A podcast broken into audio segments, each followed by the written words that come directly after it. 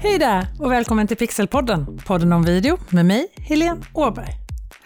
Alltså jag har jobbat med tv och video i snart 25 år och jag älskar verkligen det här formatet. Du når dina tittare känslor, intellekt och kan både påverka och engagera dina tittare, dina följare, dina kunder, ditt nätverk. Men tyvärr så är det ju också så att du når de som inte är lyckliga, de som är arga redan från början och de som blir irriterade på dig av olika anledningar. Oavsett vad du gör. Videos stora baksida är ju just att det har så stor effekt. Och det har det även på de så kallade trollen. I alla år som jag har jobbat med TV så har det tyvärr funnits tittare som har ringt och skrivit brev till programledare med både hat och hot. Alltså jag har ingen statistik på det här, men min upplevelse är absolut att kvinnliga programledare har fått mer skit genom åren än de manliga. Och även om jag inte vill erkänna det egentligen så har det blivit lite vardagsmat för många att ta emot det här. En axelryckning, ett lite nervöst skratt, han är knäpp och så i papperskorgen. Men absolut inte alla förstås. De som är återkommande från samma källa har följts upp och många gånger så är de inte alls så tuffa och arga när någon väl konfronterar dem. Det har ju inte minst Robert Aschbergs och Frida Boisens tv-program Trolljägarna på TV3 visat. Men det som jag tycker är så märkligt är att så fort någon syns i tv eller i video så är det plötsligt fritt fram att kommentera utseende och personlighet på ett sätt som man aldrig skulle göra mot någon annan i livet. För jag tror att många av de här tanterna till exempel som skriver att din nya frisyr klär dig inte och du borde ha håret som du hade det innan. Eller den där klänningen får dig att se tjock ut, du brukar vara så fin. De är egentligen inte så illa menade, egentligen. Men när du har fått ett antal sådana här mejl eller brev eller samtal så är det klart att det gör ont. Och alla har vi förstås hudlösa dagar. Alla andra dagar är vi som gåsen och allt rinner av. Och vissa dagar så tar vi åt oss av precis allt. Jag har själv fått höra till exempel att jag har väldigt fula tänder och ja, det har jag. Det var många, många år som jag aldrig skrattade utan att hålla för munnen för att jag skämdes så. Och jag kan faktiskt inte riktigt komma ihåg vad det var som fick mig att plötsligt skratta öppet och inte hålla för munnen längre. Men jag märkte på mejl och kommentarer att det var något som hände när jag syntes i videoannonser just för min webbutbildning Kommunicera med video i sociala medier. För när du både är på video och du gör det i en annons, då blir man plötsligt avpersonifierad och någon som vill tjäna pengar och då är det tydligen fritt fram att komma med elakheter i alla former. En man skrev till mig om just mina fula tänder. Han ansåg att om jag kunde något om video så skulle jag ha vetat bättre än att ställt mig framför en kamera utan att först fixa mina hemska tänder. Och jag skrev faktiskt tillbaka till honom och skrev att aj, den kändes och att jag undrade vad det var som fick honom att skriva en sån sak. Och han svarade bara, det är inget personligt men på video ser man inte ut hur som helst. Det borde jag veta. Och så verifierade han sin åsikt med att han minsann visste för han hade jobbat med film i många år.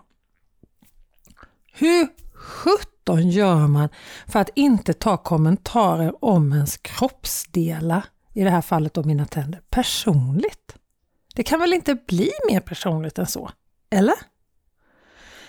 Alltså jag försöker tänka att han lever i en gammal värld och att på film var det mycket så för allt skulle vara perfekt. I sociala medier är det ju tack och lov det operfekta som är bra. Så mina sneda tänder passar ju faktiskt nästan in för en gångs skull, eller hur? Nu ska inte jag prata om mina tänder i hela det här avsnittet, jag lovar. Men det är ju någonting som händer så fort vi syns på video. Att man kan skriva precis vad som helst och man anser sig inte skriva en personlig kränkning eller en taskig sak. Utan du ska bara ta det om du syns på video och jag, det gör mig så otroligt upprörd. Jag tänkte prata lite om vad man kan göra när man får de här påhoppen. För med stort genomslag som du får med video så kommer tyvärr den här baksidan. Och är det något som jag har lärt mig efter alla samtal med arga tv-tittare, mejl från arga personer i sociala medier eller trista kommentarer så tjänar man absolut ingenting på att vara arg tillbaka. En person som är galet arg och ringer till TV4 till exempel och skriker att Hon kommer minsann inte betala tv-licens längre och blir bara ännu mer arg såklart om du säger att ja, gör du inte det för TV4 får inte några pengar från tv-licensen i alla fall. Men det, hon blir bara ännu argare då. Men man har ju god lust att säga det förstås. Men det enda som jag upplever verkligen fungerar, det var övertrevligt tillbaka. Dels tar det faktiskt mindre energi av en själv och dels så får de allra, allra flesta dåligt samvete till slut. Och för varje person som svarar med förlåt eller i alla fall svarar med en trevlig kommentar så tänker jag för varje omvändelse att jag vinner. Och ja, jag är en tävlingsmänniska, jag är en vinnarskalle, jag gillar att vinna. Livet är väl en tävling eller? Olika plattformar i sociala medier har ju olika hårt format och jag ska erkänna att jag slutade vara på Twitter just av den här anledningen. Jag tyckte inte det var roligt längre. Jag upplevde att oavsett vad inlägg som man läste handlade om så tog det två kommentarer. Så var det elaka och arga kommentarer som kommenterade det här inlägget. Jag blev inte så drabbad av det själv, men att bara läsa det till andra hela, hela tiden gjorde så att jag bara dränerades på energi så fort jag gick in på den appen. På LinkedIn där jag är väldigt mycket till exempel är det inte alls så mycket sånt.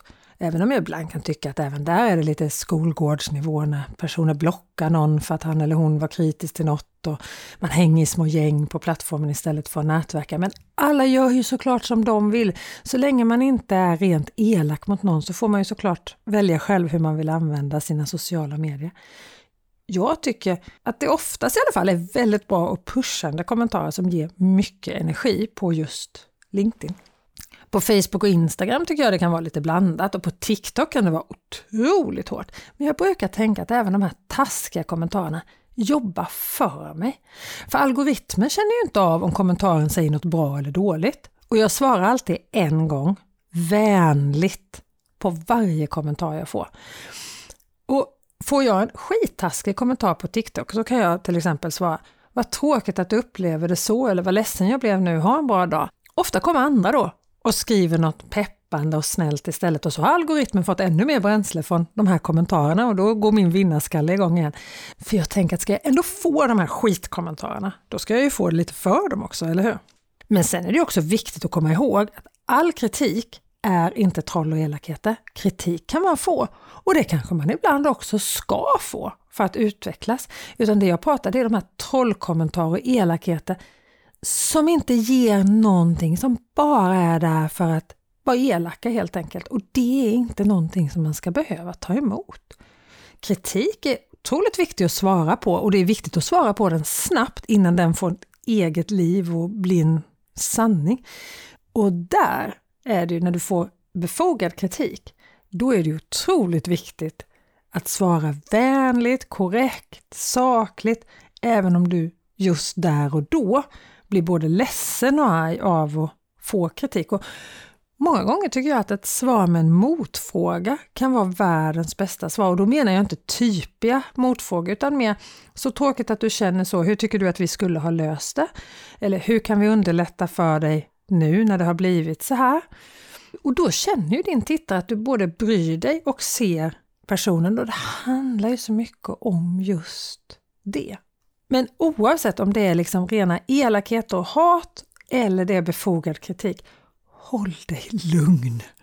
Att säga att du inte ska ta åt dig, det är ingen mening för det gör vi ändå. Vi kan få 20 positiva kommentarer och en negativ och det är det negativa vi kommer ihåg sen. Men svara inte i affekt. Alltså det är bara som att hälla bensin på lågorna, den där känslan, ha! Nu satt jag dit henne. Den tjänar du aldrig på i längden. Se det istället som en vinst att få en trevlig kommentar tillbaka.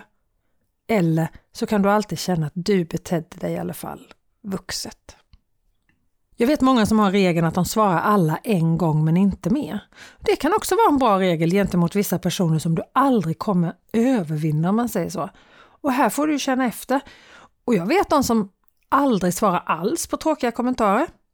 Mm, min erfarenhet är att det bara ger motsatt effekt. Att samma personer kommer fortsätta att kommentera antingen det inlägget eller andra och så eskalerar hatet istället. Och nu när jag har kommit mot slutet på det här avsnittet så måste jag avsluta med att säga polisanmäl alla hot och olagliga påhopp. ingen tjänar på att du inte polisanmäler. Och vi måste verkligen sätta en gräns, både för oss själva och för varandra. Så är det ett riktigt hot eller olagliga påhopp, tveka inte, polisanmäl. Nu ska i alla fall jag gå och skriva en snäll kommentar till någon och kanske gör du detsamma. Och vill du skriva en recension på till exempel podcast eller iTunes så får du mer än gärna göra det. Skriv några rader om vad du tycker om den här podden och ge den så många stjärnor som du tycker att den är värd. Och visst prenumererar du så du inte missar nästa avsnitt. Tills dess, ha det så bra så hörs vi. Hej då!